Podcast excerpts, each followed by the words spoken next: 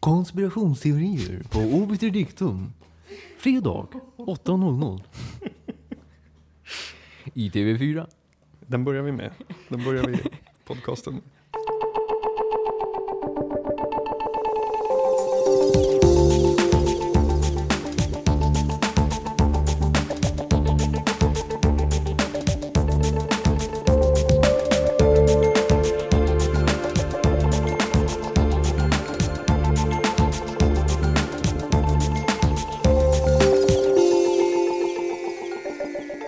Det är fredagen den 24 september 1937. Ja, det känns så i alla fall. Det har varit en, en dyster, dyster vecka efter valet. Något nedstämd i alla fall, ja.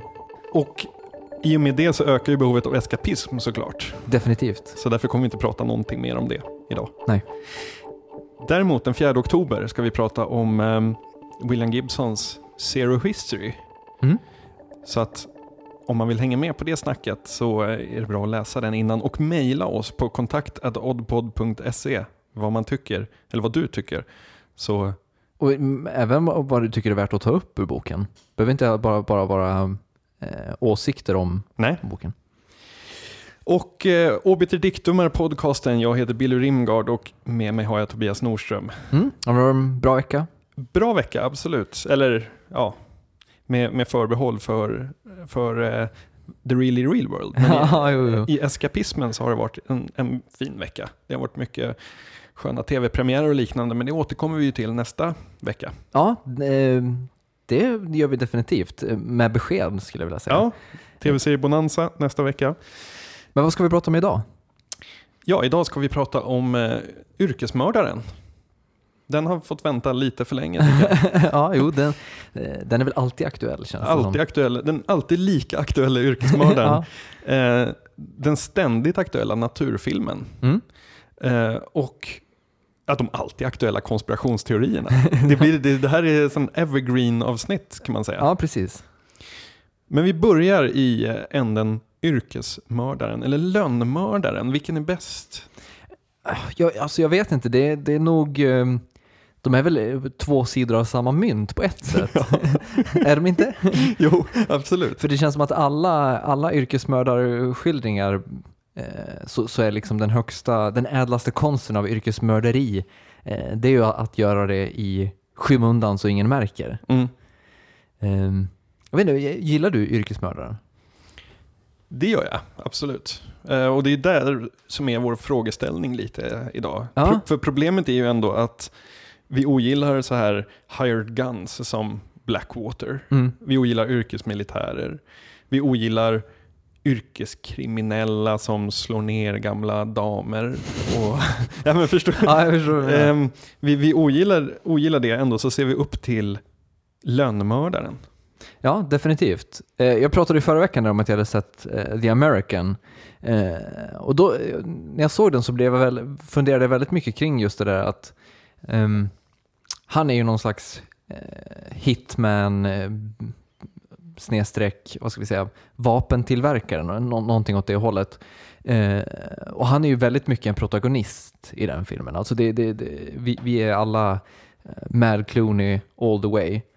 Ehm, men varför? Alltså, det, han är ju ingen speciellt sympatisk karaktär i den filmen eh, och, och många av yrkesmördarna är ju inte särskilt sympatiska överlag heller.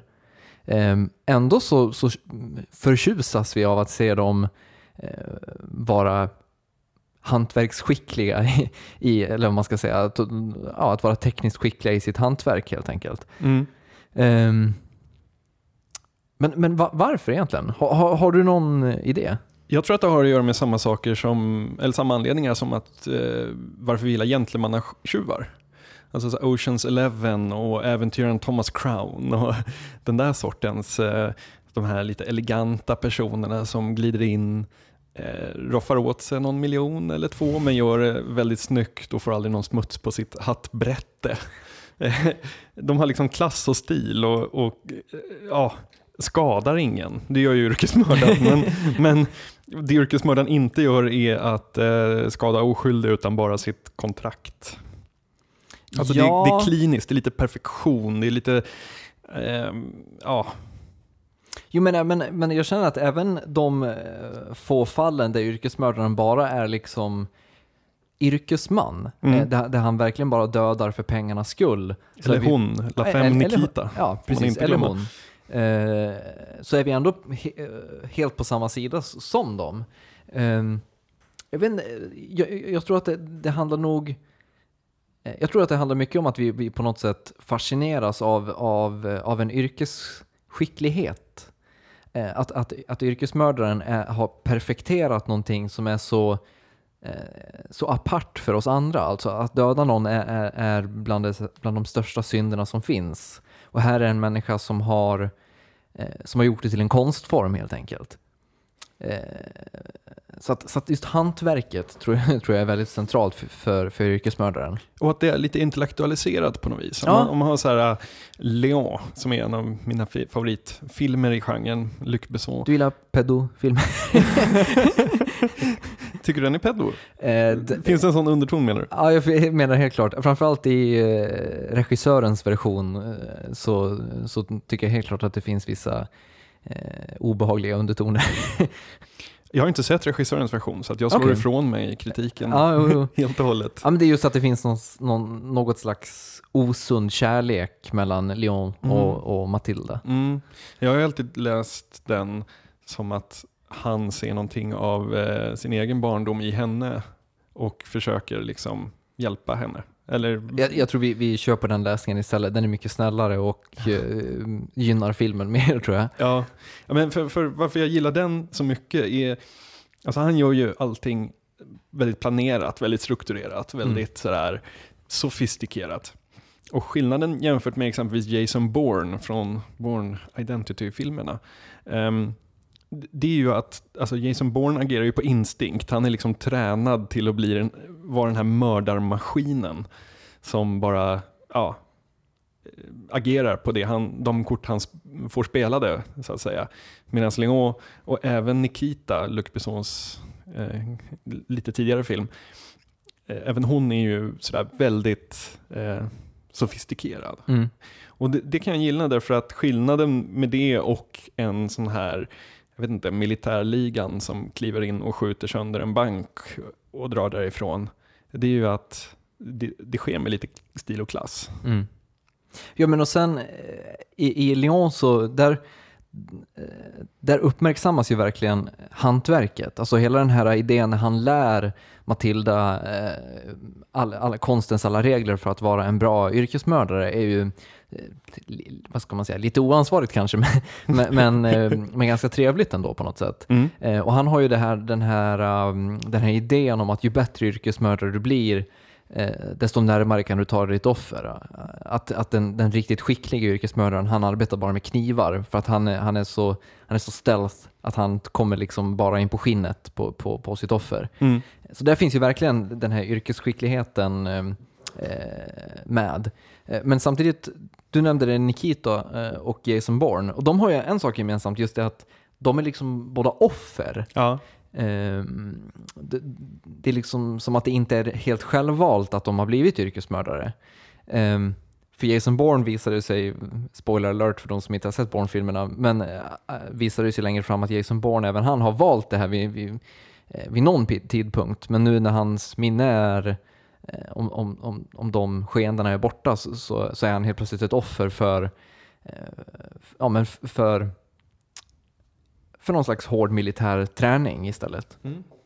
Och, men jag tror även att den där eh, offerrollen är någonting som är ganska utmärkande för soldaten an- annars. Alltså soldaten, eh, han är inte i krig självvalt utan han har placerats där av eh, the military industrial complex. Eh, Att, att, att, han egentligen vill han vara hemma med, med, med sin fru och sitt barn, ja, någonting i den stilen. eh, Men man har liksom blivit utskickad av eh, sin, eh, sin nation att bekämpa ett krig eller någonting sånt. Mm. Ehm, Fast ändå så kan man ju känna så här att om man bortser från de meniga som liksom krigar för att de inte eh, har någonting annat att göra eller vad man ska säga, så ser man ju ändå ner lite på den som jobbar som, som militär, alltså Definitivt. yrkesmilitär, för man känner så här att okej, du har gjort det här moraliska beslutet att åka ut och döda folk. Mm. Och- Men, jag, men jag tror också att det handlar om att, äh, att, de, att de på något sätt inte har valt själva. Alltså att de tar order eh, från något slags högre makt. Mm. Alltså vare sig det är en regering eller en befälhavare så är det fortfarande någon som bestämmer över dem. Medan yrkesmördaren, den tar det kontraktet det vill eller de- den, eh, den, har, den, den lever efter, den är någon slags rebell som lever efter sina egna principer eller sina egna lagar. Och det är ju en typisk sån sak vi alltid älskar eh, att se på film. Vi har alltid mycket lättare att sympatisera för någon som vi tycker tänker själv. En film som kombinerar de där båda två tycker jag, det är Sniper. Jag har inte sett Sniper faktiskt. Du har inte gjort det? Nej. Nej, för där har du ju det här, eh, ensam kille skickas ut i skogen, ligger i två dagar tror jag, eller någonting sånt där, under en, en sån här kamouflagefilt uppe i en sluttning och bara väntar på att eh, ja, The Mark ska eh, komma till den här lilla gården som ligger där. Och så när han kommer så är det one shot, one kill. Eh, och sen ner under filten igen och gömma sig tills det, kusten är klar att fly. Och det, det är lite den, av den där samma sorts coolheten. Mm. Den här, fast frågan är om det är någon slags här pojkrumsdröm. Att vara yrkesmördare? Nej, Eller, att vara sådär sofistikerad Ja, jo, jo. och, och elegant i en väldigt farlig situation.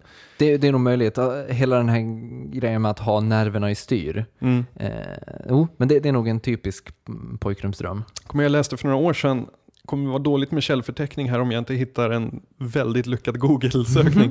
Men för några år sedan så läste jag om en eh, rysk gangster. Eh, de hade kommit ut på morgonen då ur hans palats i Moskva. Och livvakten hade sett en skåpbil som stod parkerad vid utfarten. Och de hade ju givetvis gått fram dit och varit jättenojiga över den här. Så att när han körde ut sen då med bilen så var det liksom, ja, de hade gevären siktade på den här skåpbilen och sånt. Men ingenting hände och inte dagen därpå heller och inte nästa dag. Och sen efter en vecka så hade de ju liksom slutat bry sig att den stod där. Och då hoppade de här två killarna som satt inne i vanen ut och plockade eh, den här gangstern då. då. Och det, det finns ju någonting i det som, alltså, som är så, så alltså det är väldigt filmiskt givetvis. Eh, men det finns också någon form av elegans i det. Det här att inte gå på bara eh, eh, alltså rödkindad hämnd och bara gå loss. Eller liksom, Utan nästan någon slags asketisk självdisciplin. nästan. ja, precis. Ja, men det är lite som eh, Lucky Number Slevin. Det, är ju ingen, det handlar inte om, om, om hitmen, men det är ändå så här, ja, men hämnden kommer 30 år senare och man har ingen brådska. Liksom. Det är inte så här att nu jävlar ska jag ut och hämnas, utan man planerar och man bidar sin tid och man, man, man ja. Det, det finns ju någonting som, alltså, beundransvärt i det, Mm. även fast det är en moraliskt förkastlig handling på något vis. Vilke, vilken är din favoritmördare? Eh, alltså jag gillar ju The Day of the Jackal, Mm. den, den gamla 70-talstalsversionen eh, då. Mm. Eh, Inte den där det går så här jättelånga perioder utan någon dialog eller någonting. Han bara sitter i en kikare och... Ja, eller det är mycket det att Alltså, stora delar av filmen handlar ju om, om, om skeendena som leder fram till att han ska Mm. göra the hit, Mm. så att säga, eh, snarare än att den fokuserar på just the hit. Ja.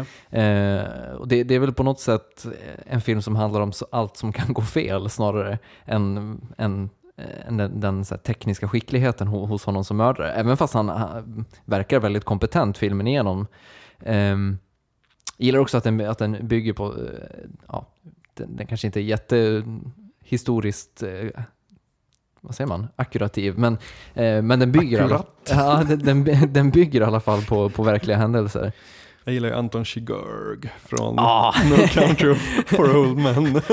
Den, är- och det, var, det, var en, det var ett bra val. ja. Jag, menar, där har du, jag tror att, jag tror att en, en, en egenskap som gör att man tycker om dem det är just det att de har en liten quirkiness. Mm. Alltså Leon sköter inte bara sitt jobb utan han ska också ta hand om den här tjejen. Matilda. Ja. Mm. Eh, samtidigt som Anton Chigurh då bara är jävligt konstig med den här... Eh, Anton Chigurh är ju en fantastisk karaktär, för han är ju på många sätt snarare, eh, ja, vad ska vi säga, ödet eh, personifierad på något Mm. sätt. Alltså, det, det är inte så mycket att, att han är en person, utan han Nej. är ju bara eh, han är ju bara konsekvensen som, någon, som alla människor förr eller senare får, får lov att möta på något sätt. Men jag kan börja känna att, att när det gäller yrkesmördaren så har vi ändå kommit till en nivå där Alltså det är lite så här Deus ex machina grejen att man Alltså det dåliga vägen ut för en film som inte riktigt vet var den ska ta vägen. Ja, in med en hitman som drabbar dem.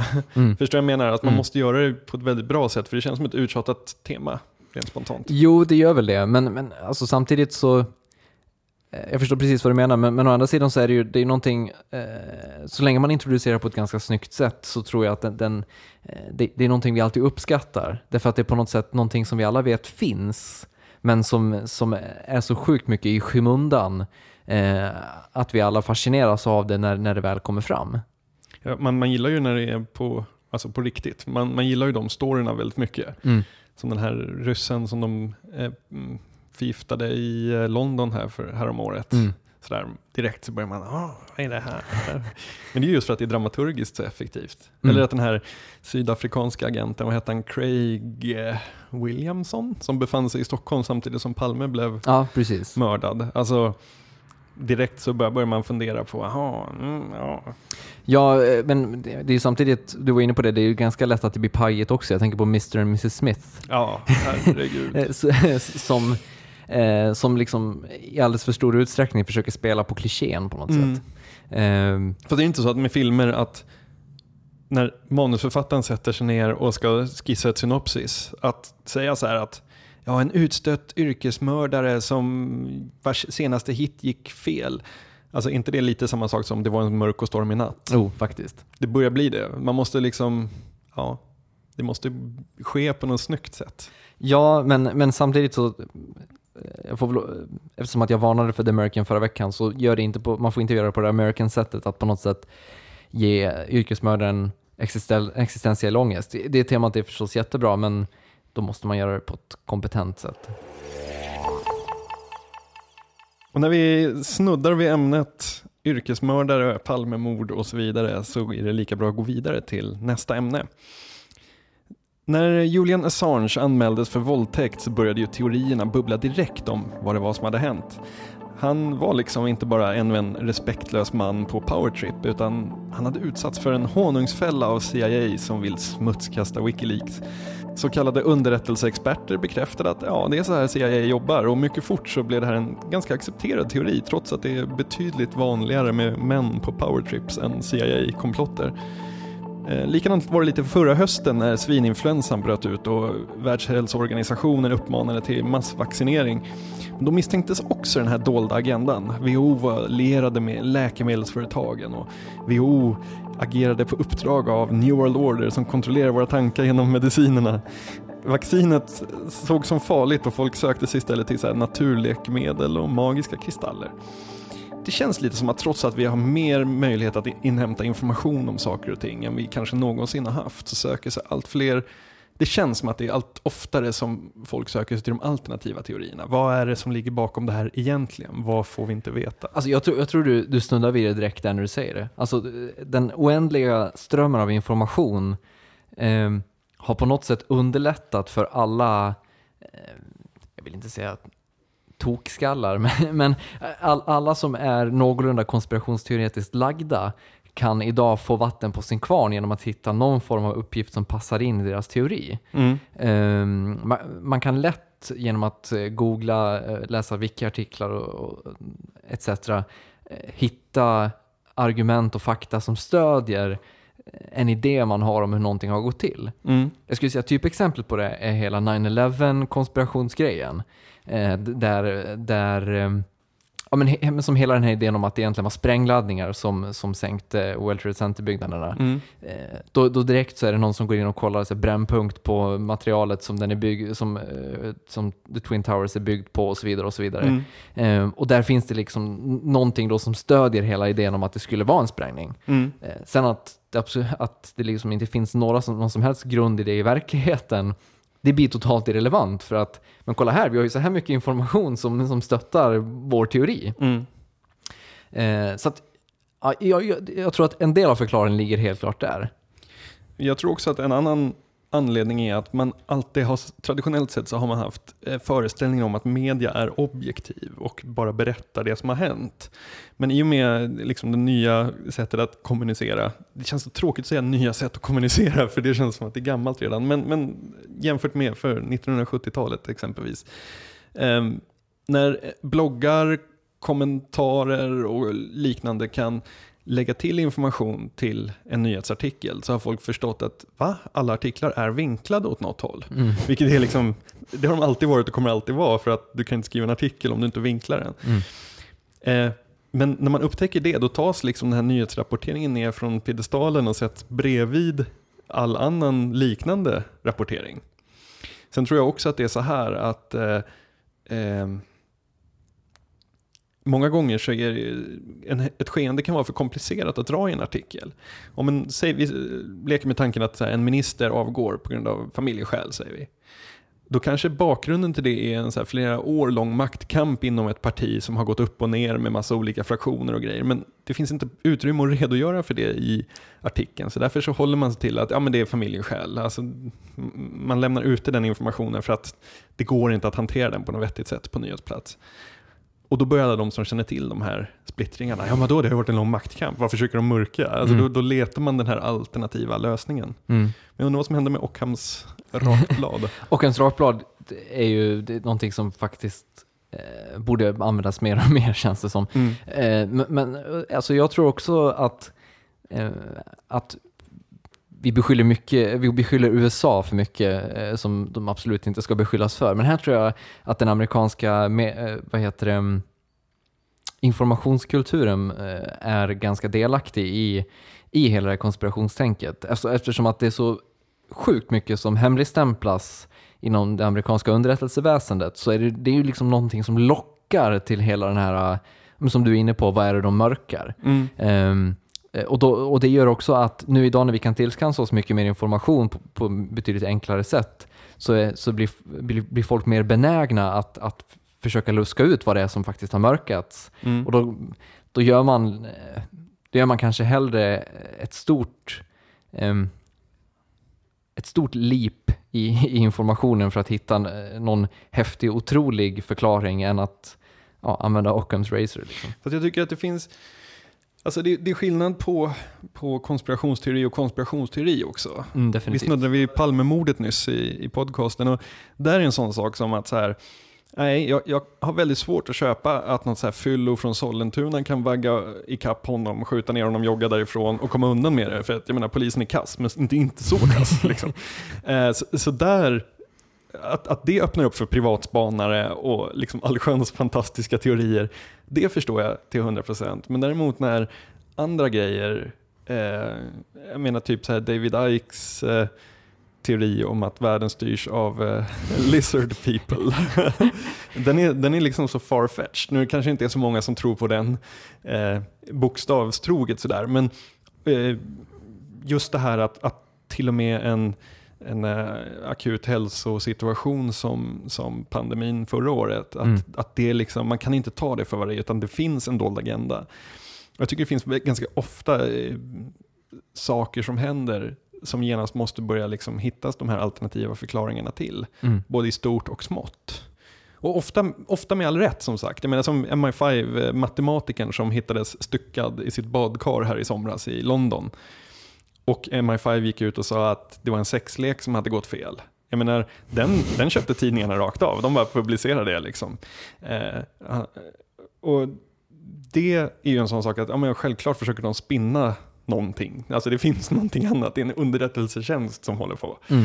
Eh, men däremot att så här, ja, jag vet inte.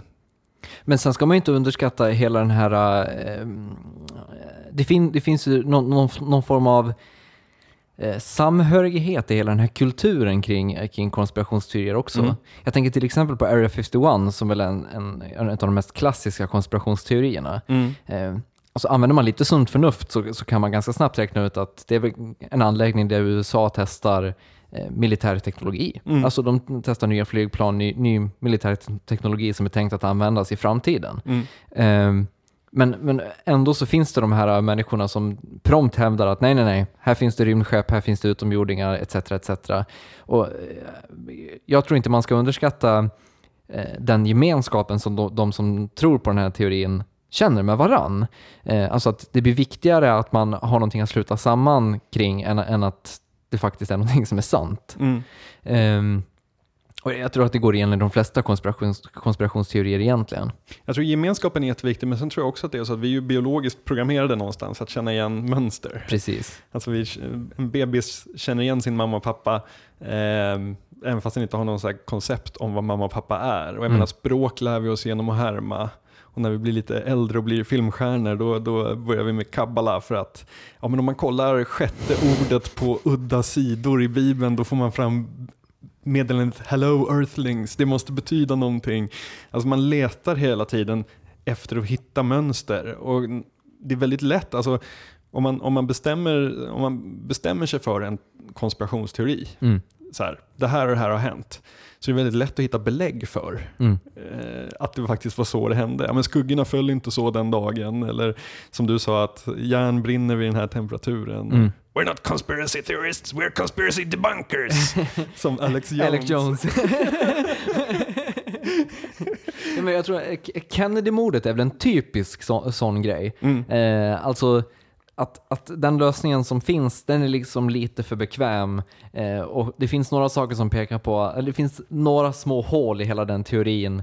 Eh, och några idéer då som, som skulle kanske täppa igen de hålen. Och de, hål, de, de sakerna som kommer täppa igen hålen, de måste ju vara sanna i så fall, Mm. eftersom att de passar in. Mm. Och därför så- är, blir det en, någon slags sanning. Mm. Ehm, jag vet inte, ju, ju, ju mer jag har läst om Kennedy-mordet, ju mer mm, övertygad är jag om att det inte finns någon konspiration överhuvudtaget. Men, Ja.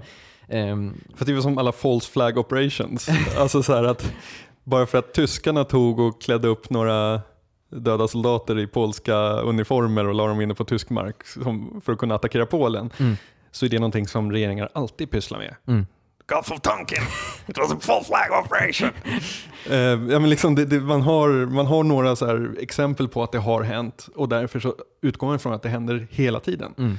Och givetvis är det så att man ska vara misstänksam mot makt. Alltså det är klart att folk använder de medel de kan för att vrida opinionen till ens egna, egna syften och så vidare. Men det betyder inte att det händer varje gång. Det någonting. Razor, Ja. igen. Ja. Ehm, Men jag tänker också, vad tror du, har, har populärkulturen här en eh, gjort, vad ska man säga, spelar populärkulturen här något slags avgörande roll?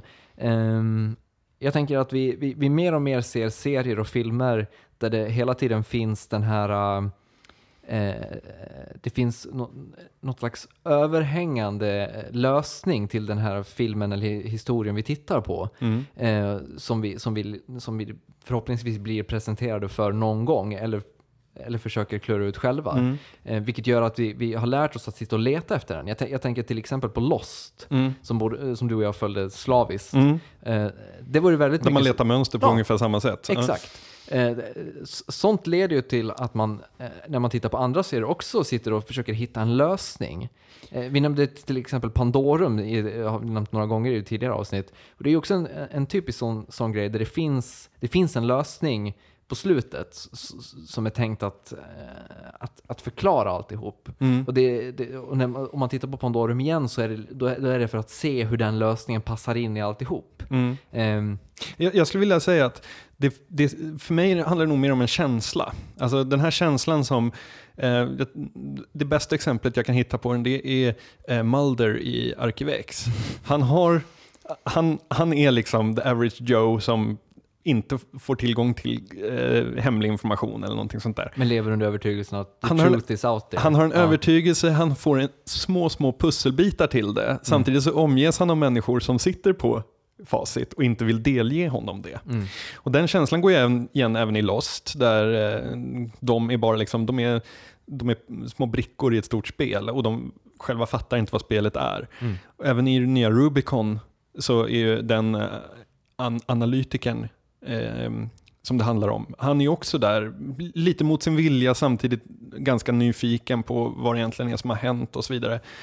Och överför man det på, på, ja men så här, på dig och mig, om vi sitter och känner likadant inför, nu, nu är liksom Sverige inte så, så himla drabbat av eh, vad ska man säga, riktigt bra konspirationsteorier, men säg att man bodde i New York och hade förlorat någon anhörig i 9-11 Mm. och bara känner så här att nej, det sitter folk och har liksom facit till varför min mamma eller min pappa dog och jag får inte reda på det. Alltså, jag, jag kan tänka mig att det finns en känsla av eh, att, att bli bedragen eller att, att bli frånhållen information. Men, men tror du att populärkulturen bidrar till att vi känner så, eller tror du att vi gillar de här serierna för att vi redan har den här känslan? från början så är det mycket möjligt att populärkulturen eh, skapade den, men att vi nu har den känslan. Det är JFK, Oliver Stones film, all, Ja. fels, det är den filmens fel alltihopa. Ja, precis. Nej, men så här, att, ja, men, eh, jag är övertygad om att våra liksom, mor och farföräldrar ehm, inte trodde om Sverige att man byggde en atombomb på 50-talet. Sen visade det sig att ja, men det gjorde vi. Mm. Eh, jag är övertygad om att eh, man på 70-talet inte kunde tänka sig att, att liksom IB kunde åsiktsregistrera, men det gjorde man. Alltså man, har blivit, man har blivit bränd ganska många gånger på grund av att man är naiv. Mm. Eh, så nu är det istället så att man sitter och tänker så här, okej, vad är det jag inte får reda på? Liksom, SJs tåg är försenade. Vad är det? Är det en New World Order? jag förstår vad jag menar. Alltså, man försöker hitta förklaringar på, på sånt som gör en bekymrad genom att fundera på vad man inte får reda på.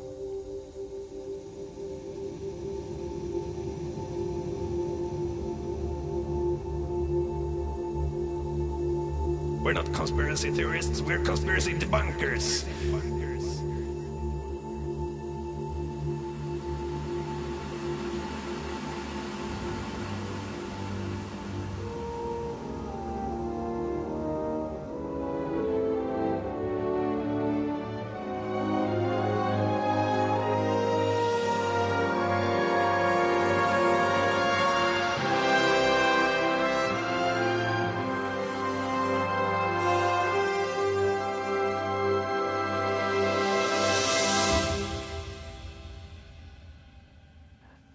Älskar att titta på eh, skildringar av jorden. Eh, vare sig det handlar om att det är från rymden eller nere på vår planet så eh, följer jag slaviskt alla former av skildringar som på något sätt beskriver vår plats i världen eller djurens plats i världen. Och det här har gjort att jag de senaste åren har tittat extremt mycket på BBCs Natural History Units produktioner. Eh, de har haft väldigt stora framgångar de senaste åren med, med eh, produktioner som Planet Earth, Wild China, Nature's Great Event, Yellowstone och eh, för några år sedan Life.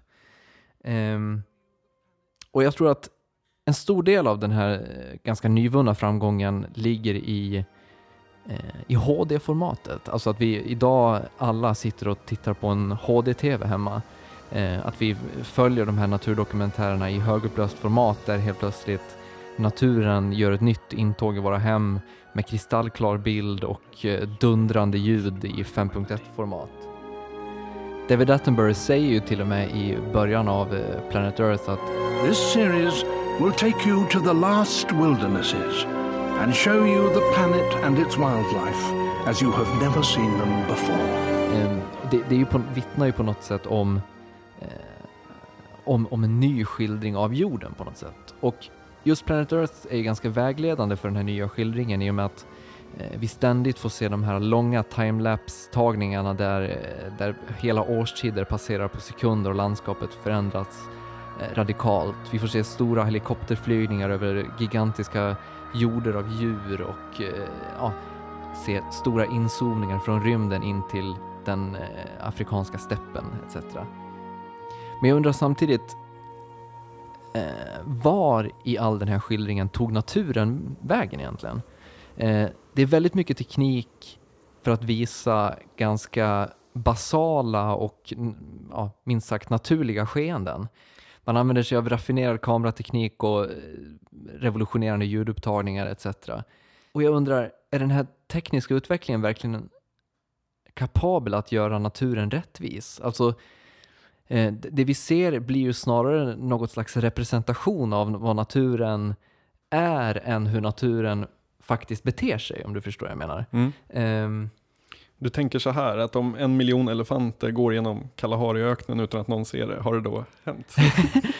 Alltså ungefär. Eh, eh, eller ju, just det att man, att man på något sätt zoomar in på, på en nivå av naturen som eh, inte nödvändigtvis representa- representativ för, för hur naturen faktiskt ser ut, utan snarare representerar ett narrativ som vi människor kan ta till oss. Mm.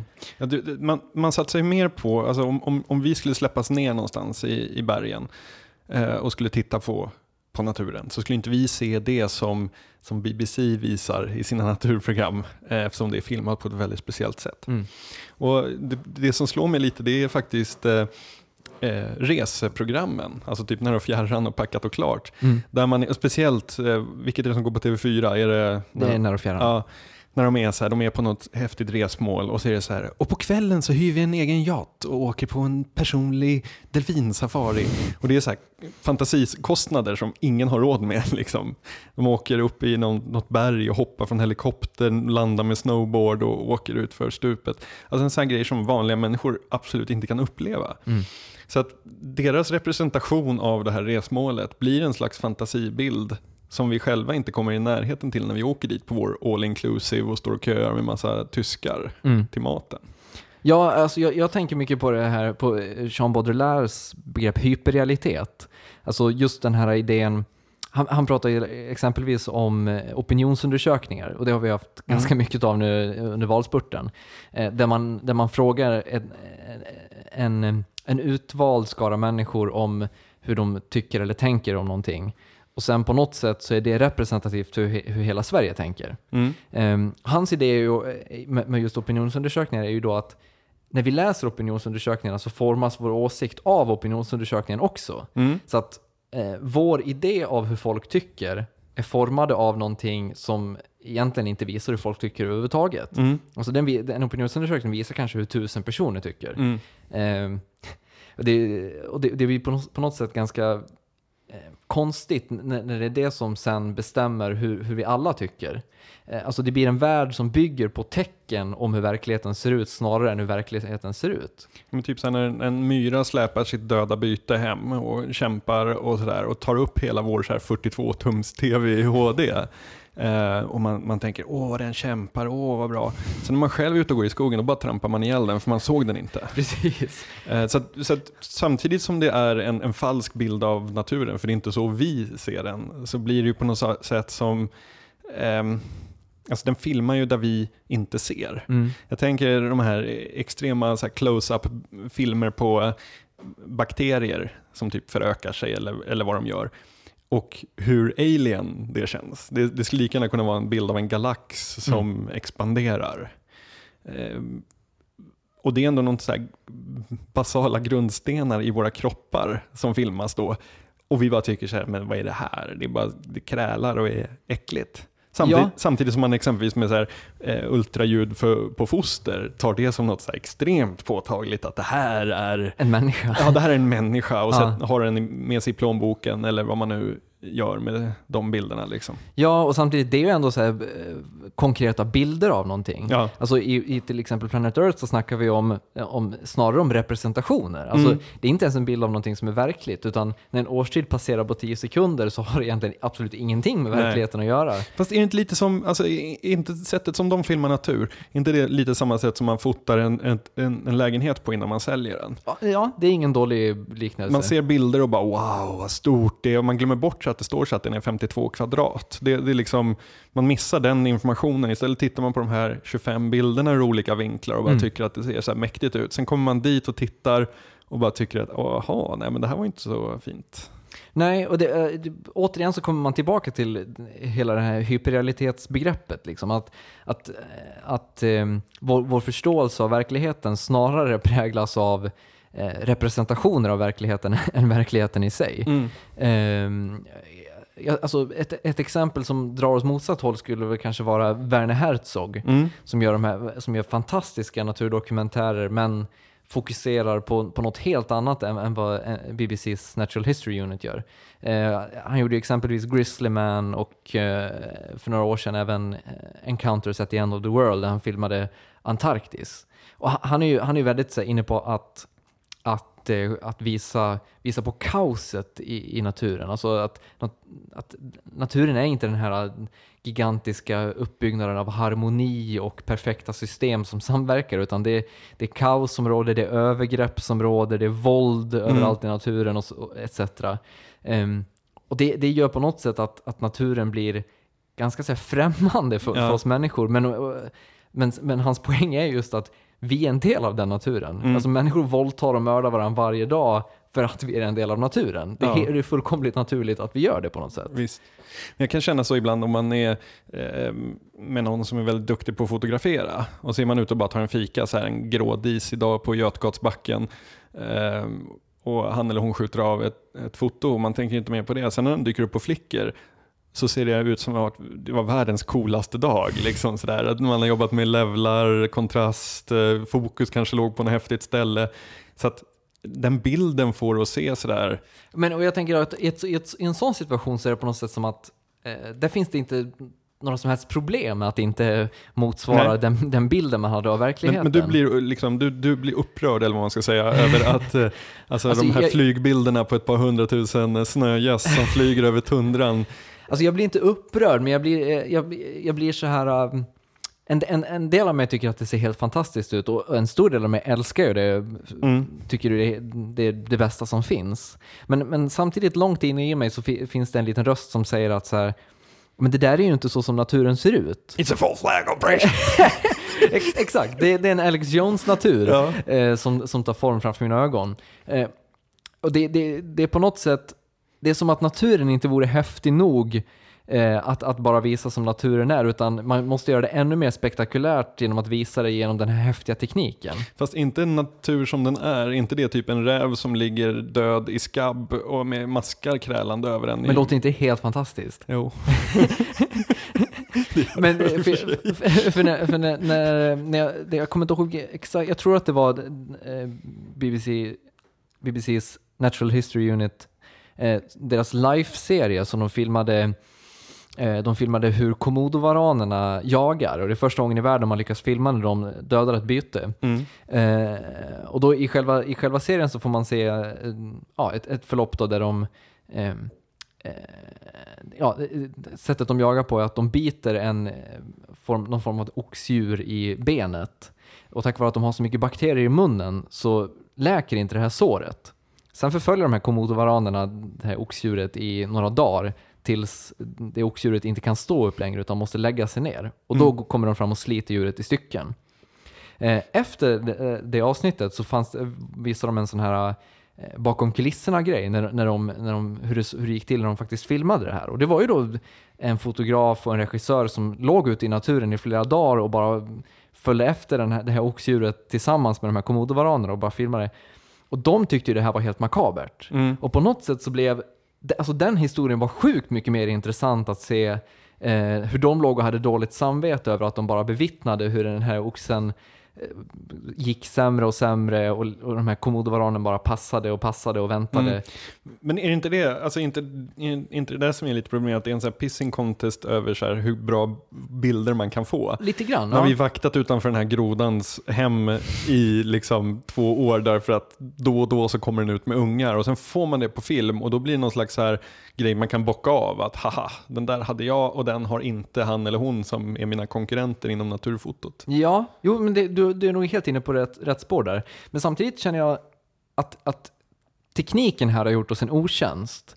Alltså att när vi har tekniska möjligheter att filma saker på ett visst sätt så måste vi göra det.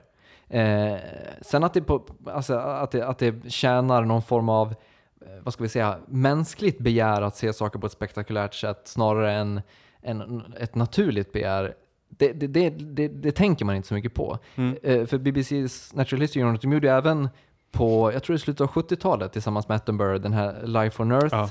Serien som, som i princip så skildrar evolutionen från början till Och det var, väl slut. den som, det var väl en game changer, alltså Ja. som de filmade den och producerade den förändrade ju naturfilmande för evigt. Definitivt. Men, men där är det samtidigt, man tar inte till så här gigantiska tekniska hjälpmedel. Nej. Utan det handlar mer om att man, att man, eh, att man är sjukt skicklig med att var man ska ha kameran. Mm. Inte så mycket med att ehm, hur man använder kameran, eller förstår du vad jag Mm. menar? Alltså att, Mm. att man lyckas visa exakt hela evolutionen ehm, bara genom att veta vad man ska filma, inte hur man ska filma det. Mm. Eh, och det är på något sätt, det är lätt att- att jag låter ganska eh, reaktionär när, jag, när jag säger det, men det på något sätt är, är på något sätt sjukt mycket vackrare än, än det här uh, jättepåkostade eh, timelapse-sekvensen över eh, en japansk körsbärsskog eller någonting. Mitt problem med dem kanske främst är att det känns som att det är producerat av en turistbyrå. alltså vet man så reklam, reklamfolk som säger att ah, men ge oss så här många miljoner så ska vi göra en överflygning här och filma. Mm. Jo, men det, det blir lite så. Alltså det, det finns ju inget... Egentligen så finns det ju liksom inget naturligt med att man flyger med helikopter över en massa gäss eller någonting sånt. Snowgeese. Och vi har nått slutet på veckans podcast och det är därmed dags för postscriptum. Eh, för några månader sedan när jag såg trailern till eh, The Social Network så blev jag, från att ha varit ganska skeptisk till, ett, till en film om en hemsida, ganska peppad på, på att se eh, ja, de här bortskämda eh, IT-ungarna som vill bli miljardärer på att skapa ett nytt koncept. Eh, att det dessutom utspelar sig i någon slags borgerlig universitetsmiljö gjorde inte saken sämre. Ehm, och nu här i veckan så, så eh, lades även fem spår ur, det eh, ur soundtracket upp på en sida. Det är alltså Trent Reznor från Nine Inch Nails som tillsammans med en kille som heter Atticus Ross som även har varit med och producerat flera av de senaste Nine Inch Nails skivorna som har gjort soundtracket. Och de här spåren är alltså gratis att ladda ner och de låter ganska fantastiskt faktiskt. Det är som någon slags moderniserad eh, orkestral variant av John Carpenter, Oj, vilket bådar gott för filmen i sig också. det, det låter, låter mäktigt. Jag, jag tänkte tipsa om en, en artikel som eh, handlar om eh, det är väldigt mystiskt. Det är en, en, en datorsäkerhetsfirma som har upptäckt att eh, det finns massa så här high speed trading bots som eh, köper och säljer tusentals gånger i sekunden. Ehm, New World Order. New World Uh, it's, it's, a, it's a full flag operation. eh, på de olika börserna eh, i USA. Och det är ingen riktigt som vet var de här kommer ifrån. Eh, om det är någon slags algoritmisk terrorism eller vad, och ingen vet riktigt vilket syfte de har med alla de här transaktionerna. Och givetvis så börjar alla så här eh, varningsklockor för eh, artificiella intelligenser och William Gibsonesk eh, samhälle och så vidare. Eh, ja, jag gillar det såklart. Definitivt. Det känns som en väldigt så här, obiter dictum. Och vi länkar till det här och allt annat på vår blogg oddpod.se. Och om ni har några frågor, kommentarer eller kritik så är det bara att mejla oss på kontakt.oddpod.se. Och med det så tackar vi för idag. Vi ses nästa vecka. Tack för visat intresse.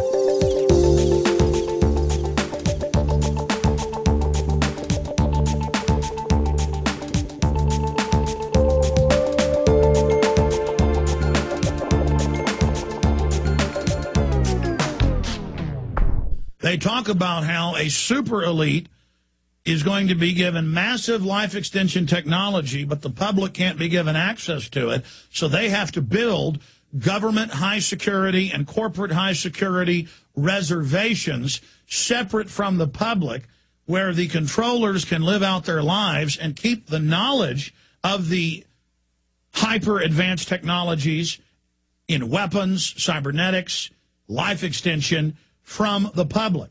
Simultaneously, outside the technological fortress keeps, the establishment sees the human race in all the films they fund and the books they put out and the materials they push as a disease, as a infestation of mold,